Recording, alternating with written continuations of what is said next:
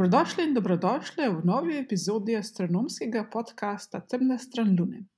Vaši gostiteljici sva Maruša in Dunja. In tokratna epizoda je zadnja pred počitnicami, kjer si bova tudi medve malce oddahnili. Maruša, povej, uh, kako jih boš ti preživela? Uh, ja, moje počitnice bodo kar zanimive. Grem na tri različne astronomske konference. Uh, se jih zelo, že zelo veselim in uh, bo kar zanimivo. Kaj pa ti? Uh, jaz bom nekaj del počitnic, seveda, preživela z družino, in potem imam še par konferenc, pa tudi uh, eno mednarodno tekmovanje. Imamo tukaj v Sloveniji uh, to tekmovanje treh dežel skupaj z um, Hrvaško in Mačarsko, in potem bom pa spremljala slovensko ekipo, ki se odpravlja na olimpijado iz astronomije in astrofizike, ki bo tokrat v Gruziji. Tako da je tudi bom skakala malo okrog letos poleti.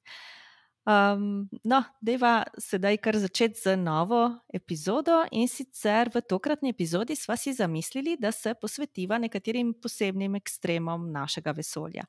In poiskali sva astronomske objekte, ki bi zaradi svojih značilnosti morali spadati v knjigo rekordov oziroma v astronomsko knjigo rekordov.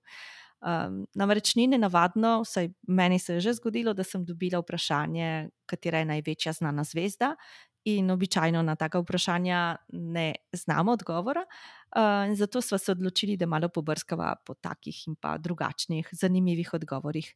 Mogoče lahko kar s temo začneva in sicer začneva kar pri prvem vprašanju, torej o velikosti zvezd. Katera je torej največja zvezda, ki jo poznamo? Ja, to je zelo dobro vprašanje. Uh, po imenu sicer tudi jaz ne, ne poznam, uh, katera točno je največja, kar smo jih do zdaj opazovali. Uh, je pa tako, da um, imajo zve, velikosti zvezd zelo um, širok razpon. Od tistih najmanjših, uh, mislim, da je nekaj procentov radija Sonca, do takih, ki merijo, do, mislim, da je okrog 2000 radijev Sonca, je približno največje, kar so jih do zdaj uh, opazovali. Uh, tako da to je zelo širok razpon. Uh, je pa res, da gre tukaj za različne faze v življenju zvezd. Tiste zvezde, ki kurijo vodik, in to se dogaja uh, večino življenjske dobe zvezd, so um, zelo podobne Soncu po velikosti. Um, Medtem ko tiste največje, ki jih imenujemo krvjakinje, zaradi njihove velikosti, tiste pa potem lahko dosežejo tudi do vem, tisoč ali pa kot so imeli 2000 radijev Sonca. In tudi pri zvezdah mogoče ni, ni trivialno, kako se jim lahko izmeri radi in maso, oziroma ali je sploh možno pri vseh zvezdah izmeriti njihovo, njihovo velikost ali pa njihovo maso. Ja, to je velik problem. Zdaj, ko govorimo o teh številkah, je vse, večinoma je to osnovano na nekih modelih. Um, da, da pa se izmeriti radi zvezde, v primerih, če recimo je zvezda v dvojnem sistemu, torej gre za dve zvezdi, ki krožita okoli skupnega težišča, hkrati pa je, obr, je njihova orientacija taka, da ko jih opazujemo iz Zemlje, lahko opazujemo njune mrke. Torej, ko krožite okrog skupnega težišča, v nekem trenutku ena zvezda prekrije drugo, in a, če opozorimo njuno svetlost, skupno svetlost sistema, vidimo, m, mm, da a, se periodično pride do potemnitve. Se spremenja njihova svetlost, in iz tega potem lahko tudi o radiju sklepamo, torej o velikosti. Ja, ja. to je uh, en način. Drug način, ki je pa veliko bolj omejen, samo na bližnje zvezde, in če to tiste, ki so dosti velike, je pa interferometrijo. Uh -huh. uh, tukaj gre pa za to, da moramo uporabiti najmanj dva teleskopa in potem na zakompliciran način uh, sprejeto svetlobo skombiniramo, in potem s posebnimi tehnikami se nekako da sklepati na kotno velikost zvezde na nebu. Potem pa moramo še vedeti, kako daleč stran je dejansko, da se lahko srečuje na njen absolutni radi. Mhm. Je pa tam je tudi zelo omejena, samo na posebne primere, kjer se to da narediti. Za večino zvest se pa tega ne da. Tako da večina zvest na nebu so za nas točkasti objekti, z opazovalnega vidika. Ja, je res. Ja. Občasno, um, ko se odpravljaš recimo na kakšna opazovanja, uh, predvsem na javna opazovanja, um, je vedno vprašanje, kako. Vprašanje publike oziroma uh, obiskovalcev je, kako bom videl zvezdo. Ne? In marsikdo ima občutek, da bo v, s teleskopom lahko videl zvezdo bliže, ampak v resnici jo vidi kot točko. Ne? tudi, če tudi ima največji teleskop na tem svetu, jo bo še vedno videl kot točko. Tako da ni možno, da bi od poblizu pogledali neko, neko daljeno zvezdo, razen seveda našega Sonca, ki je dovolj blizu. Uh, tega se pač z, z teleskopi ne da. Tako da včasih je mogoče kdo mal. Uh, Ma, malo mu je škoda, no, ko opazi, da so res samo točke v, v, na polju vidne, torej te naše zvezde. Um, glede glede teh zvest ne, in tega, kakšne velikosti imajo, v resnici si, si ravno prej rekla, da imajo lahko zelo velik razpon. In kako pa pride do tega, da, da imajo tako velik razpon? Nisva kakšenkrat mogoče že omenjali, da nastanejo zvezde skupaj, ali nastanejo samo velike zvezde skupaj, ali samo majhne zvezde skupaj. Sprav, ko zvezde nastajajo, uh, ponovadi nastajajo iz velikega oblaka plina in prahu. In iz takega oblaka nikoli ne nastane samo ena zvezda, ampak ta oblak razpade na manjše koščke, oziroma tako globule, krogle. In zaradi tega zmer, zvezde nastajajo lahko v kupicah ali pa tudi v asociacijah, uh -huh. uh, ki so podobne kupicam. Je pa tako, da um, te manjše kroglice, ki nastanejo, um, so različnih velikosti. In temu strokovno rečemo masna funkcija, sicer merimo maso, ampak uh mhm. -huh. gre za podoben, uh, podobno stvar. In podobno kot druge v naravi, je tako, da um, velikih je manj, manjših je pa več. Zaradi tega so večje zvezde, oziroma bolj masivne zvezde, redkejše v vesolju, tiste, ki so pa manj masivne, tistih je pa ogromno. Mhm. -huh. Tiste, ki so manj masivne, uh, so tiste, ki preživijo dlje časa. Ne, torej, so take, ja. ki v resnici niso še, niso še niti med navednicami izumrle, torej niso še prišle do konca svojega življenja. Medtem ko masivne so pa izredno. Izredno hitre, imajo zelo kratko življenjsko dobo. Ne? In tudi, mogoče tudi zaradi tega ne, jih je težko opazovati, sploh največje, ne? Ker, ker hitro, ker hitro izginejo z radarja, ne? Jih, ne, jih ne najdemo tako enostavno. Če govorimo o, o zvezdah, mogoče lahko omenimo še uh, najbolj oddaljene zvezde, ker smo se v zadnji epizodi uh, pogovarjali, um, pogovarjali, oziroma smo omenili tudi zvezdo Erendel, um, zvezdo. Zgleda, torej naj bi bila to zvezda. Torej, Erendel so opazovali, torej odkritje je iz letošnjega leta, so opazovali torej neko lečenje, gravitacijsko lečenje izredno oddaljenega objekta, za katerega so zaključili, torej, da gre najverjetneje za zvezdo. Um, ta objekt, kot, kot smo zadnjič omenili, so opazovali s pomočjo Hubblovega teleskopa, ki je opazoval neko izredno veliko um, jato galaksij, torej nek skupek, večji skupek galaksij, ki ima večjo maso in povzroča, torej ukrivlja uh, pot svetlobe, ki prihaja iz objektov, ki so veliko dlje. In v tem primeru torej so našli zvezdo, oziroma v, v teh posnetkih, uh, na podlagi pač potem modelov in tako dalje, so odkrili, da je, um, da je prisotna ena zvezda.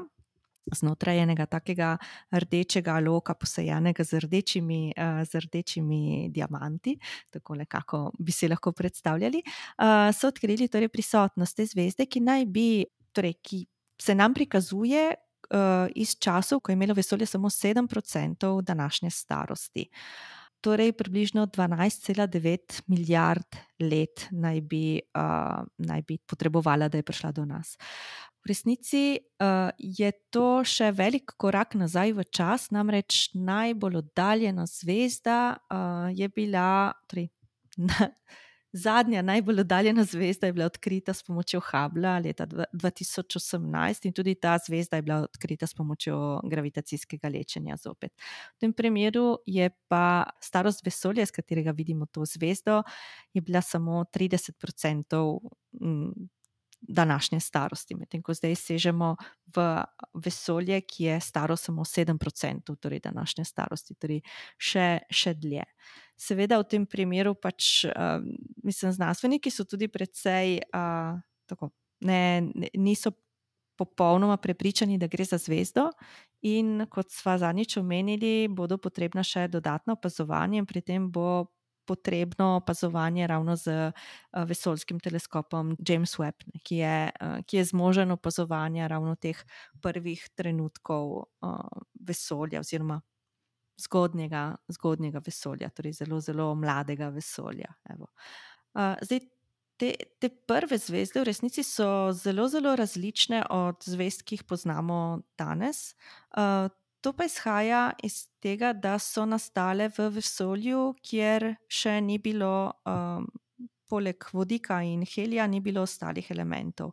In torej so te zvezde tiste, v katerih so nastali prvi elementi.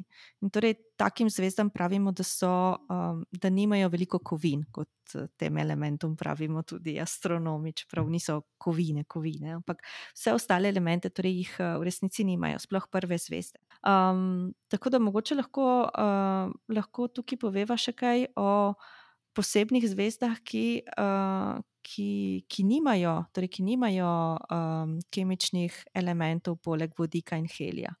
Uh, ja, torej, um, eno izmed največjih vprašanj v um, astrofiziki zvezd je preučevanje tistih najstarejših zvezd, prvih zvezd, ki so nastale v vesolju.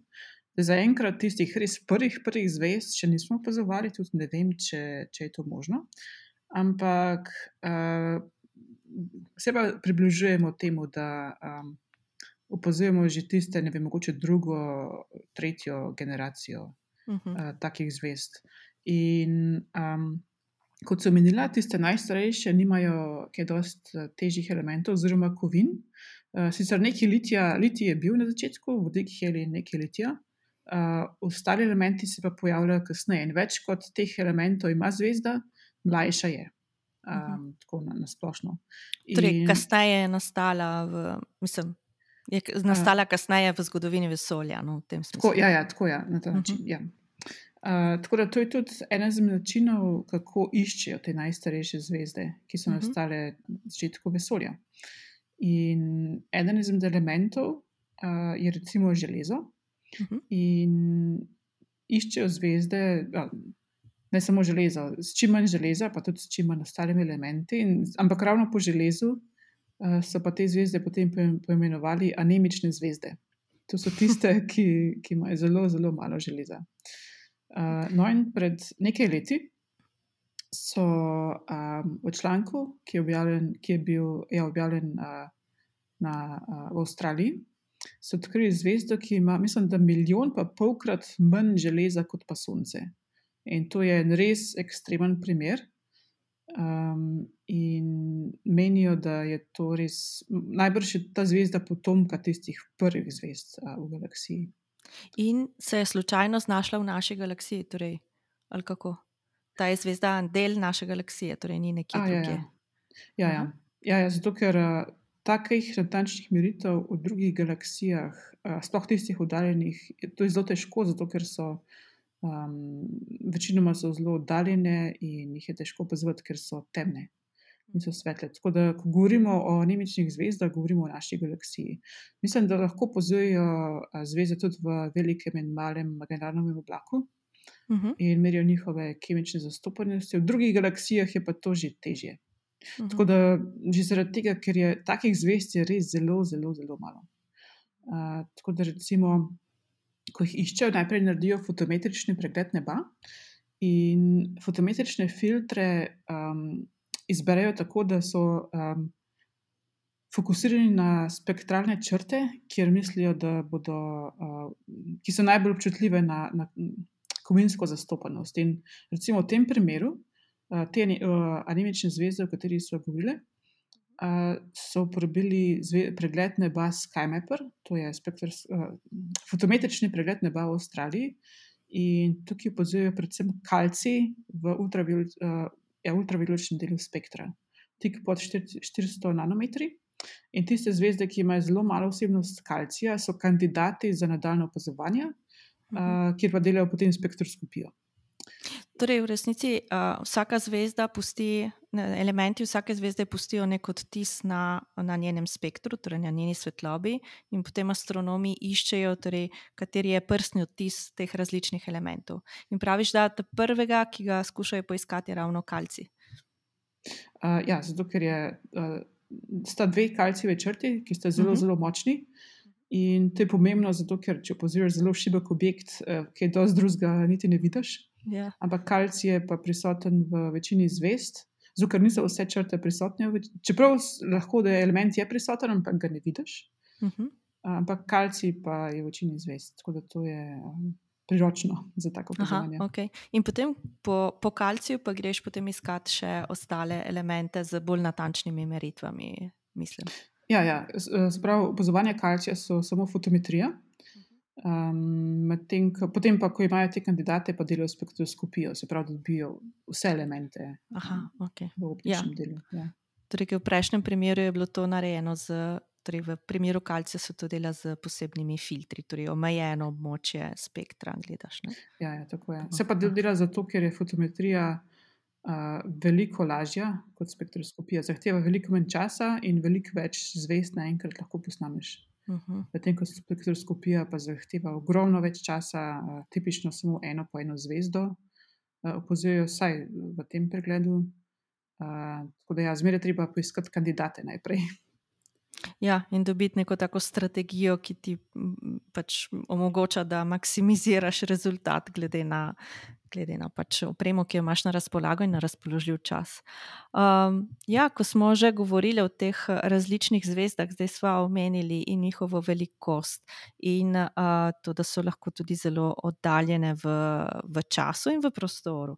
Um, da so lahko tudi anemične, torej imamo take zvezde, ki so res um, zelo posebne. Uh, potem pa je še ena težka stvar, s katero se soočamo pri zvezdah, je tudi določanje njihove starosti. In tam, tam pa verjetno lahko ti kaj več poveš tudi o tem. Ja, to je ena izmed najtežjih stvari uh, pri karakteristikah zvezd. Čakaj, potem je, je vprašanje, katera je najstarejša zvezda v vesolju, izredno težkega. Torej, ne dobim odgovora na tako vprašanje. Pa, Mogoče so te anemične zvezde. Zato, okay. Mislim, da so v tem članku pokazali, da je uh, ta zvezda, uh, mislim, da je nastala nekih ne, 100 ali nekih 100 milijonov let po uh, nastanku vesolja. Tako da, kaj več dlje, uh, je že težko iti. To, to pa res je. Ja, ja, ja. Spremljivo starostjo vesolja. Uh mhm. -huh. Tudi vemo, da so zvezde, ki, so, uh, ki imajo zelo mehko maso, um, njihova življenjska doba je večja kot starost vesolja, trenutna starost vesolja. Sicer pa, ja, določene starosti zvezd uh, ni trivialno, to pa zato, ker uh, zvezde večino uh, svojega življenjskega časa kurijo vodikov heli. Uh, oziroma, ja, pretvarjajo vodik v heli, in uh, pri tem na vzven se niti ne spremenjajo, kaj dosti. Zgledajo podobno večino življenjske dobe in zaradi tega je zelo težko oceniti njihovo starost. Uh, sicer v zadnjih letih uh, razvijajo tehnike, kjer merijo osebnost kovin, in zdi se, da um, je to nekako povezano z njihovo starostjo, zato ker se uh, osebnost kovin v zvezdah se meša. Se pravi, kovine nastajajo v centru, uh, kovine nastajajo v, v jedru zvezde, potem pa zaradi mešanja uh, lahko prihajajo na površje. Tako da zdi se, Eh, da v nekaterih primerih za nekatere elemente, uh, mislim, da omenjajo bari, uh, pa mislim, še en element, uh, da ja, sta, poveza, sta korelirana z njihovo starostjo. Ampak uh, tudi v tem primeru rabimo natančno spektroskopijo in ni tako trivialno. Medtem ko um, določene starosti zelo mladih zvest, ki še nastajajo, je uh, nekoliko lažje in pa uh, določene starosti zvezd, ki umirajo.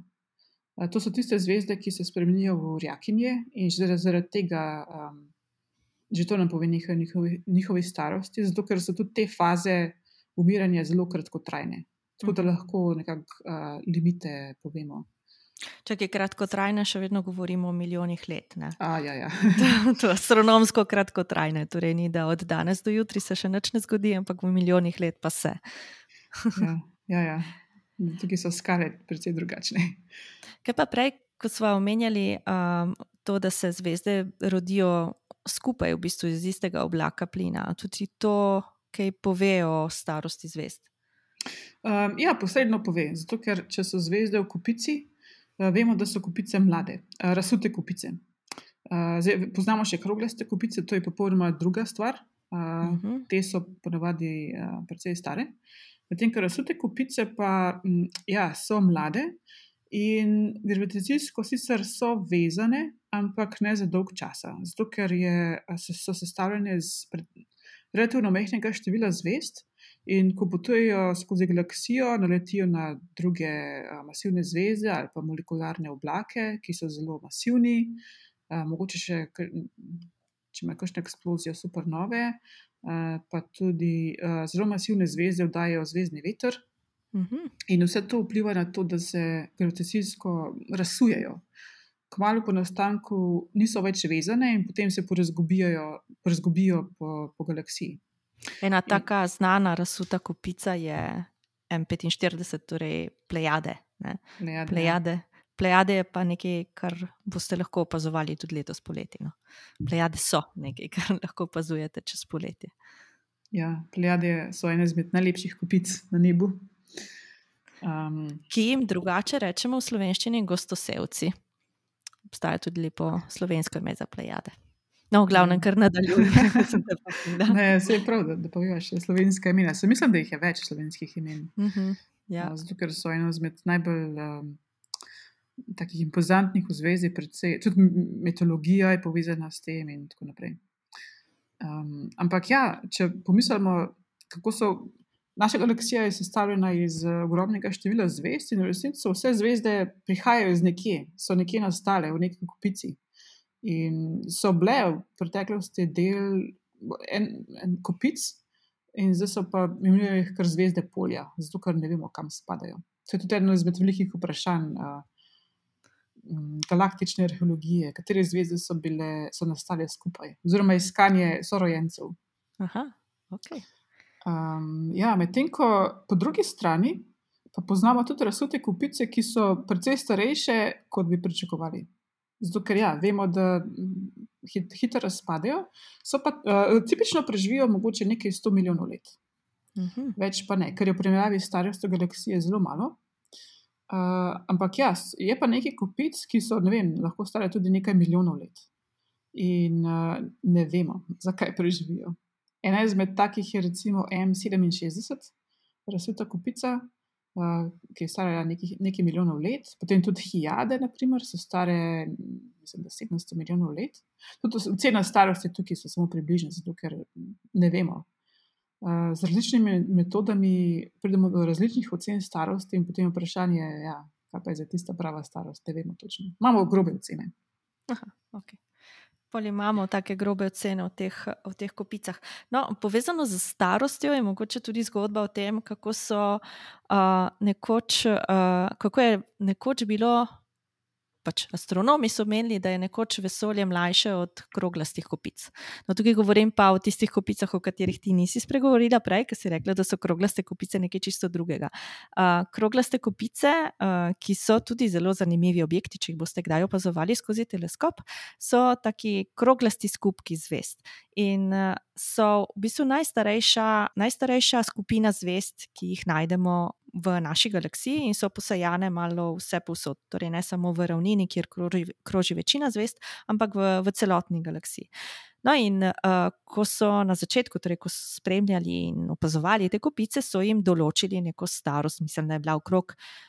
Mogoče je bilo že takrat malo več kot 14 milijard let, ampak tam, tam nekje z, pač, mo, zelo podobna starosti vesolja, kot, ga, kot jo danes poznamo. Uh, Medtem ko na začetku začetku 20. stoletja, ko se je razvila pač kozmologija, uh, je pa starost vesolja bila določena na podlagi Hubbleove konstante, in uh, takrat pač prva starost vesolja je bilo, ne vem, vesolje so mislili, da je staro 10 milijard let. In naenkrat se je zgodilo, da so ena opazovanja pokazala eno, torej visoko starost, druga pa opazovanje, oziroma iz, drugih, um, iz druge teorije, je pa prišlo ven, da je vesolje mlajše v resnici. No, potem se je, so se stvari uskladile. Namreč v, v teoriji, v kozmologiji so takrat manjkale še temna snov in tudi temna energija, in z vsem tem skupaj se je potem starost vesolja toliko popravila, da, da se sedaj skladata. Torej, kroglase kopice niso starejše od vesolja, torej niso nastale pred vesoljem, ampak so del vesolja in so nastajale torej, znotraj, znotraj našega vesolja. Tako to glede, glede starosti. In če omeniva, uh, omenjava, no, zdaj, ko smo prešli malo iz zvest na galaksije, lahko omeniva tudi oddaljenosti in uh, svetlosti, oziroma oddaljenosti, bolj kot svetlosti. Um, zelo oddaljene galaksije. Ne? Ko govorimo o zelo oddaljenih galaksijah, običajno omenimo, uh, omenimo kvazarje. Kvazari so ena posebna vrsta aktivnih galaksij, to so pa take galaksije, ki uh, gostijo v svoji sredici uh, eno izredno veliko, kot ji pravimo, supermasivno črno luknjo. In ta supermasivna črna luknja je v fazi, ko uh, požira snov in istočasno um, oddaja iz, izredno visok izsev. No, in ti kvazari so v bistvu najbolj oddaljeni. Um, najbolj oddaljene galaksije, ki jih z lahkoto opazujemo. Kvazari, najbolj oddaljen kvazar je mislim, da je to eden izmed zadnjih, ki so ga odkrili, naj bi bil oddaljen 13,03 milijard svetlobnih let od Zemlje. In torej gre za izredno oddaljen kvazar z imenom J03131806, uh, ki torej naj bi. Seval, svoj sev pošiljal do nas iz časov, ko je uh, bilo vesolje staro samo 670 milijonov let, torej približno 5% današnje starosti vesolja. In v svojem središču ima ta galaksija neko supermasivno črno luknjo, ki pa ima maso 1,6 milijard sonc, torej 1,6 krat maso našega Sonca. Uh, 1,6 krat milijard mas našega Sonca. Torej, gre za izredno, izredno daljen kvazar, in ker že omenjamo, da ima uh, v svojem središču supermasivno črno luknjo, lahko omenimo tudi, da so v bistvu to taki objekti, ki so izredno, izredno masivni. In ko sem malo poiskala, katera je najbolj masivna, supermasivna črna luknja, seveda potem najde jih najdemo, cel seznam jih je, uh, takih izredno masivnih uh, črnih luken. In te supermasivne črne luknje, kot, jih, kot jim pravimo, imajo lahko mase tja nekje 10 milijard um, mas Sonca, če ne tudi več, torej nekajkrat 10 milijard mas Sonca, kar je ogromno.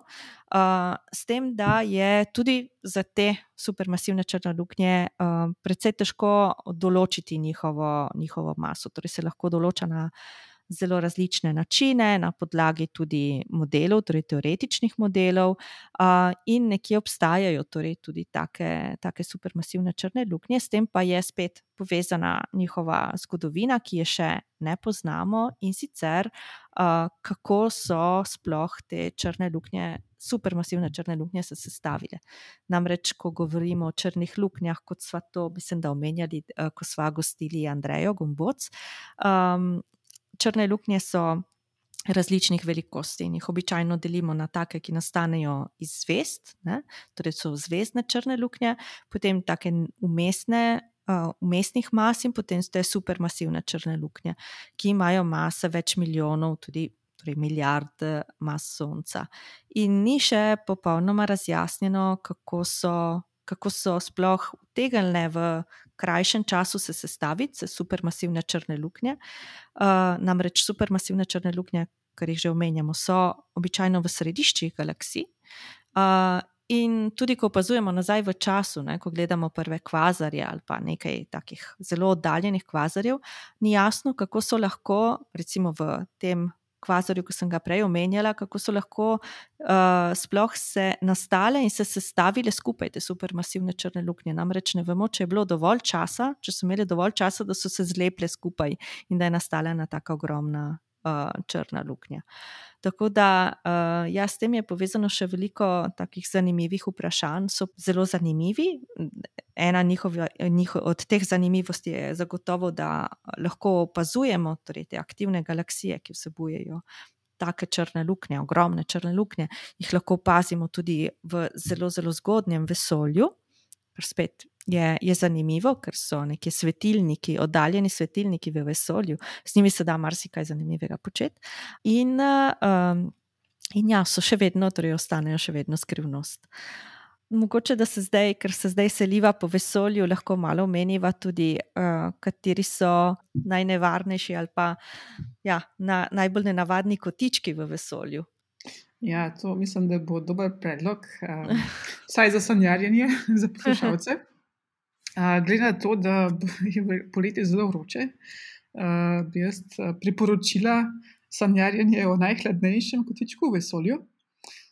In sicer ja, obstaja nekje um, en kotiček, ki ima minus 273,13 stopinje uh, Celzija. Torej, to je praktično absolutno ničla, čist, čist, čist malo nad absolutno ničlo.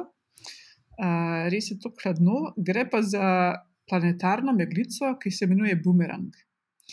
Uh, odkrila sta jo uh, dva astronoma iz Avstralije, zato se imenuje tudi Boomerang, pa tudi zaradi oblike. Um, je oddaljena 5000 svetlobnih let od Zemlje in se nahaja v smeri zvezdja uh, Kentaur. Um, gre pa za to, mogoče najprej razložim, kaj je to planetarna meglica. Uh, Zapravo, prej, ki so omenjali, da se zvezde pred koncem svojega življenja napihnejo in postanejo urjakinje. Nekatere zvezde se nikoli ne nehajo napihovati, se pravi, se napihujejo in napihujejo. Uh, Tok časa, da jim potem rečemo že planetarna meglica, zato ker so njihove zunanje ovojnice tako velike, da lahko to pozivamo kot nek uh, tak okrogu, krogec na nebu in temu rečemo planetarna meglica. Se pa včasih zgodi, da so prisotna magnetna polja, mogoče še kakšni drugi procesi in ne povzročijo tega krokca, ampak ga nekako zmotijo, tako da nastajajo drugačne oblike. Da se opazovati, recimo, oblike v peščine ure. Naprimer, ta meglica Boomerang ima neko tako čudno obliko, sicer me ne spominja na Boomerang, ampak ne vem točno na kaj. Ampak ja, dobi se zelo tako zanimive uh, oblike. Ena, čakaj, ki se jo spomnim, je Eskim, se mi zdi. Gled, ja, ja, ja, ja, ja. Eskim, tudi ta. Tudi Eskim, ja. In so zelo taki lepi vzorci. In, um, Mislim, da še ne razumemo popolnoma, kako, kako nastane, kakšni procesi so odgovorni za to. In če imate doma še en tak astronomski koledar z kakšnimi slikami, sploh Hablovimi slikami, imate zagotovo te, te meglice noter, so poslikane, ker so res izredno, uh, izredno lepe, tako estetsko izgledajo, res lepe. Ja, tudi njihove imena so. Um, Ustrezna. Primerna, primerna ja, za to. Um, no, ampak uh, ja, v primeru meglice Boomerang so teoretični modeli pokazali, da, se, da so hitrosti plina, ki se razširja, zelo, zelo velike in to potem povzroči, da so temperature tako zelo nizke. Ampak ja, so pa te temperature za, za vesolje, to, to so res ekstremni, ekstremne številke. Um, ja. Uh, ja, tako da, če, če vam bo vroče, uh, lahko ne morem reči, da, da se lahko odpeljete tja, ampak lahko razmišljate o tem. Ja, in če bi, če bi želeli pa kam v, uh, v hladne kraje na Zemlji, kaj, kaj bi pa tu lahko priporočili? Ja, najbrž kakšna Antarktika, sem bi jaz rekla. Uh, tudi na Antarktiki so observatoriji. Um, In uh, ja, sploh zdaj je na Antarktiki zima, uh, tako da je še posebej hladno. In uh, no, vsaj jaz bi osebno šla tako tja. to priporočam. Kam bi šla pa ti? Uh, ne vem, mogoče bi šla obiskati te uh, observatorije, ki se nahajajo izredno visoko. Ampak o tem mogoče veš malo več tudi ti. Ja, ja to so pa observatoriji um, v Čilu. Uh -huh. je, so, pravi, v Čilu so um, neki, ni samo en kraj, kjer so ti veliki teleskopi, ampak jih je kar nekaj. In uh, tipično so na zelo velikih nadmorskih višinah. Uh, to pa iz več razlogov. Eden je recimo uh, to, da je nad tabo manj atmosfere, zato ker zemljina atmosfera uh, moti opazovanje. Uh, drug razlog je to, da je puščava in v puščavah je manj vlage, ki prav tako vpliva na opazovanje. Um, in pa vreme. Uh, če si nad oblaki, potem uh, imaš večino časa lepo vreme. Uh, in to je seveda ugodno za opazovanje. So pa, uh, ja, kot sem omenila, taki kraji ponovadi zelo, zelo suhi. In sicer jaz osebno še nisem uh, bila tam, ampak so govorice in tudi slike, da imajo tam zelo uh, bazene za astronome, zato ker je zrak tako suh, da nekako uh, sploh ni, ni zdravo več, koža tako mhm. razpoka, da je to težko um, prenašati. Ja, se gre tudi za to, da so to velike nadmorske višine in mogoče tudi zaradi tega so omejitve, da ne moreš biti kar zelo dolgo časa tam. A, uh, mislim, da drug razlog je pa tudi to, da uh, nočno delo pušča posledice in verjetno so ubitve. Pač ne moreš kar v neskončno, v nedogled uh, delati po noči, tako da rabijo spočite astronome. Tako, tako. Uh, drugače, ko smo iskali tale bazen za astronome, smo mislim, da našli ravno, da je to na Sero Paranal v, v Čilu. Je tako? Uh, ja. Ja. Kjer je ta rezidencija, ki bi morala biti uh, nek kompleks, ki so ga zgradili in kjer so gostujoči astronomi. In uh, ta rezidencija je uh, bila del torej kulise uh, filma Jamesa Bonda, ne? Quantum of Solace je bil tudi tam posnet. Ko sem pogledala po tem sliku, sem se takoj spomnila. Ja, ja, se, se spomnim, da so nekaj omenjali, da so tudi astronomski objekti bili v, v Jamesu Bondu. Da, če boste slučajno šli poiskati in pogooglati eh, rezidencijo v Nasaru Paranal, boste takoj našli, zakaj se gre. Uh, tako da ja, um, se dogaja, no, da občasno imamo te astronomske objekte, ki se, ki se pojavijo v, uh, v kakšnih zanimivih, nenavadno v, uh, v, tudi v Jamesu Bondu torej in drugih filmih. Uh, ja, tokrat torej smo se malo uh, sprehodili skozi te različne oddaljene zvezde, galaksije in tako dalje, in bi sedaj kar prešli uh, na novice.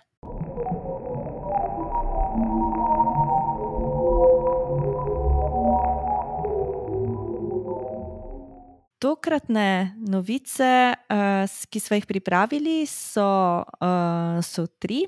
Uh, in sicer prva je o tem, ali bodo astronauti lahko gojili rastline na Luni.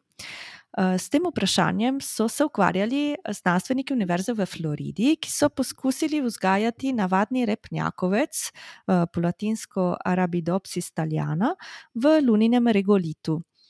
Članek so pred kratkim objavili v uh, reviji Communication Biology, uh, bova dodali tudi v zapiske uh, revijo. No, regolit uh, na Luni prekriva njeno kamnito površje in v bistvu ji daje tisto sivo barvo.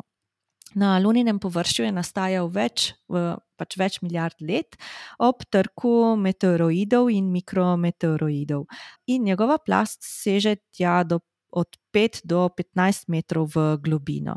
Ne, ni torej prst, ni navadna zemlja, v katero bi lahko pač usadili rastlino in opazovali, kako, kako rase. Lahko pa postane neke vrste osnova. Znotraj katere bi uh, mogoče nekatere rastline lahko uspevale.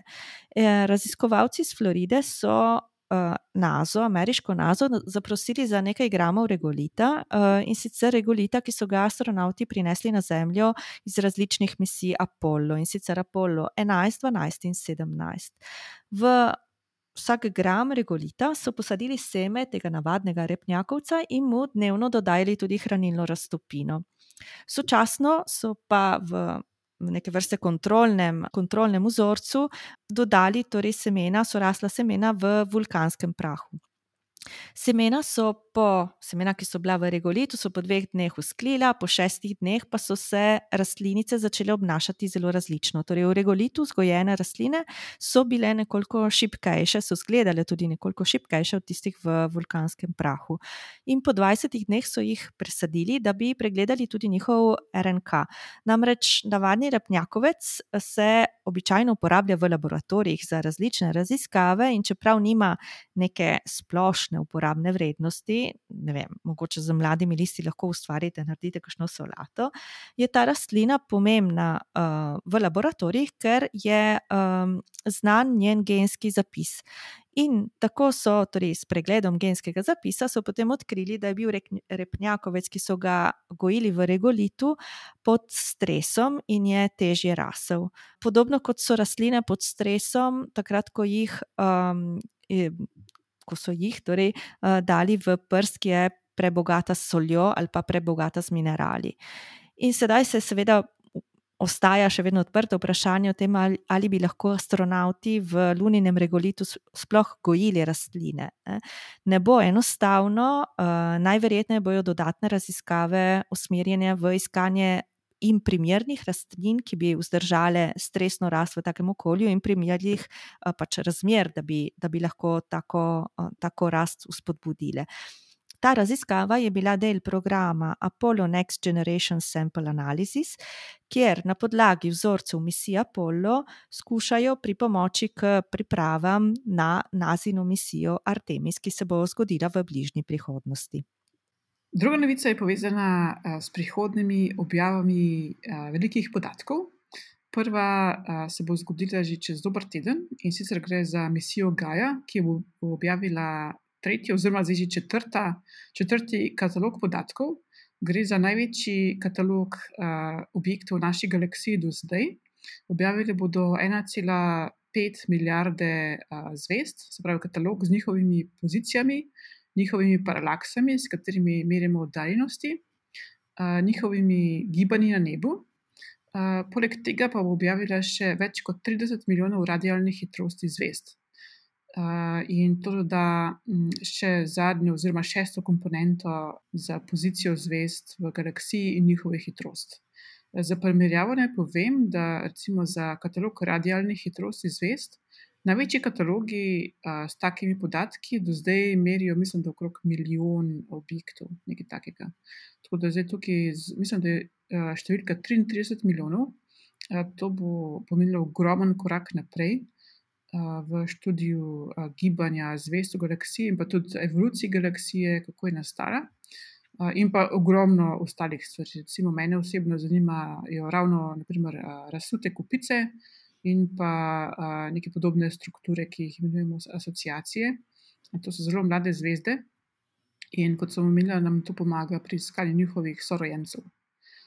So, je pa še ogromno drugih aplikacij.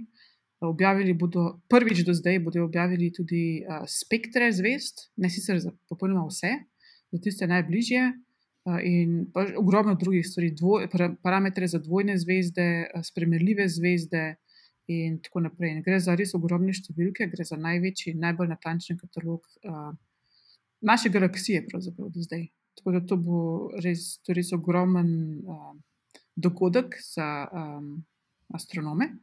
Uh, objava bo 13. junija, uh, potem naslednja bo pa, mislim, da je datum 12. juli, uh, James Webb. Uh, torej, oh. uh, o tem so ja, že govorili v preteklosti, o tem, kako so umirjali inštrumente in tako naprej. In zdaj je ta faza končana, in so že, sklepam, da so že uh, naredili prve resne znanstvene meritve. Uh, kaj točno je še skrivnost, uh, ampak ja, vejo že datum objave prvih uh, rezultatov tega. Uh, vemo tudi, da so. Uh, pripravili posebne um, take, vem, bombončke za, za to, da demonstrirajo, kaj uh, teleskopi in inštrumenti zmorejo. Uh, bodo pa pokrili um, glavne teme, so, za katere je ta teleskop namenjen. Torej, uh, prve galaksije, zvezde, uh, planeti uh, in, uh, in tako dalje. tako da se že, že zelo uh, veselimo. Uh, tudi v najavah um, objave podatkov um, zgleda zelo, zelo um, entuzijastično. Tako da nas že vse zelo zanima, kaj bo to. Tako da zapišite si datum 12. juli. Uh, potem pa še uh, novica, ki je povezana uh, z našo rimsko cesto, oziroma z našo galaksijo. Uh, pred nekaj tedni so objavili prvo direktno sliko uh, črne luknje v naši galaksiji. Gre za res uh, izjemen dosežek. Torej, gre za uh, drugo sliko črne luknje. Prva slika je bila uh, pred nekaj leti in sicer v galaksiji M87.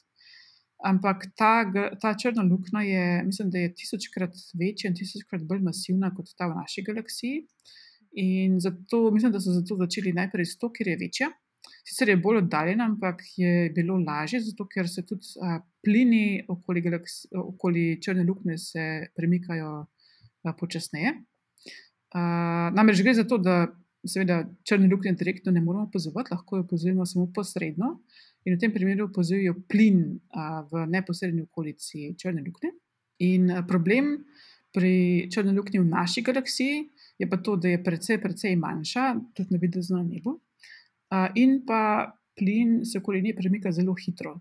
A, tako hitro, da če, se, če pomislimo, naprimer, da a, naredimo na fotoaparatu a, dolgo ekspozicijo, zato da naprimer, slikamo pasje mladiče, ki se igrajo. Seveda bo slika popolnoma zapacana in ne bo, ne bo uporabna. Tako da v tem primeru so mogli uporabiti posebne tehnike, zato da so združili več posnetkov a, v različnih časih v enega. Um, in mislim, da je rezultat zelo, zelo impresiven. Uh, pri tem je uh, pravi, skupina, ki je to objavila, se imenuje Event Horizon Telescope um, skupina. Uh, pri tem uporablja teleskope, ki so zgrajena posod po Zemlji, tako da je v bistvu gre za teleskop, ki je, ima efektivno velikost Zemlje, um, se pravi, dva, primer, primer Zemlje.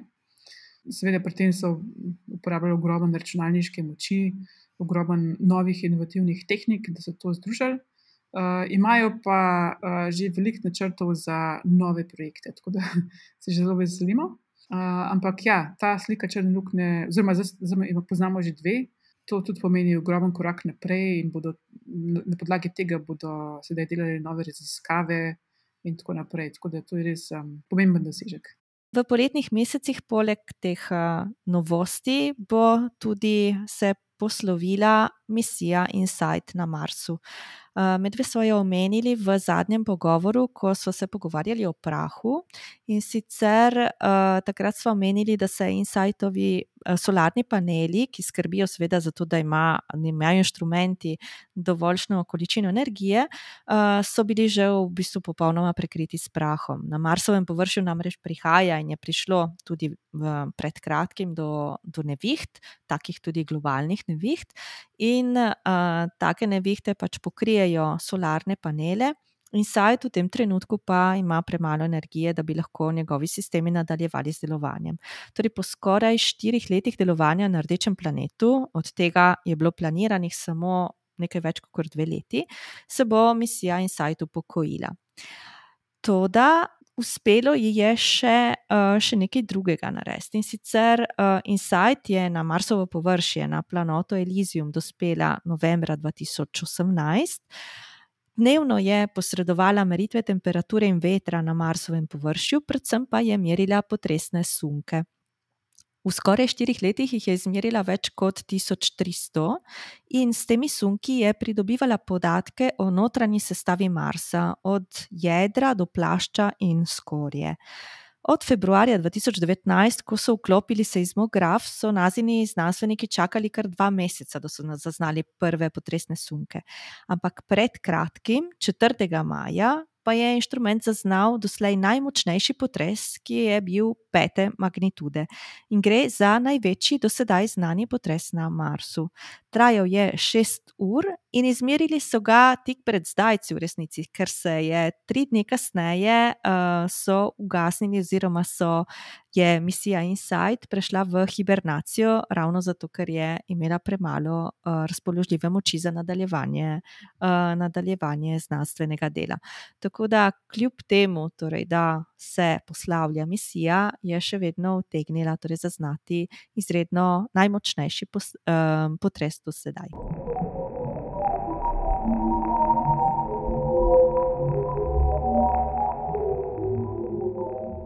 Z vami smo bili Maruša in Dunja.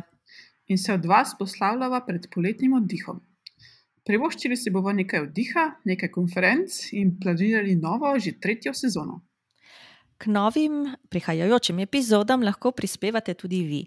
Svoje predloge in želje nama posredujte na družabnih obmrežjih, kjer naj jo najdete z imenom Temna stran Lune, ali pa pišite na e-mail naslov podcast.temna stran lune afna.gmail.com. Imava pa tudi Telegram kanal, ki ga bova, upam, uspeli uh, še bolj poživiti in ga najdete, torej njegov, um, njegov naslov najdete v opisu podcasta.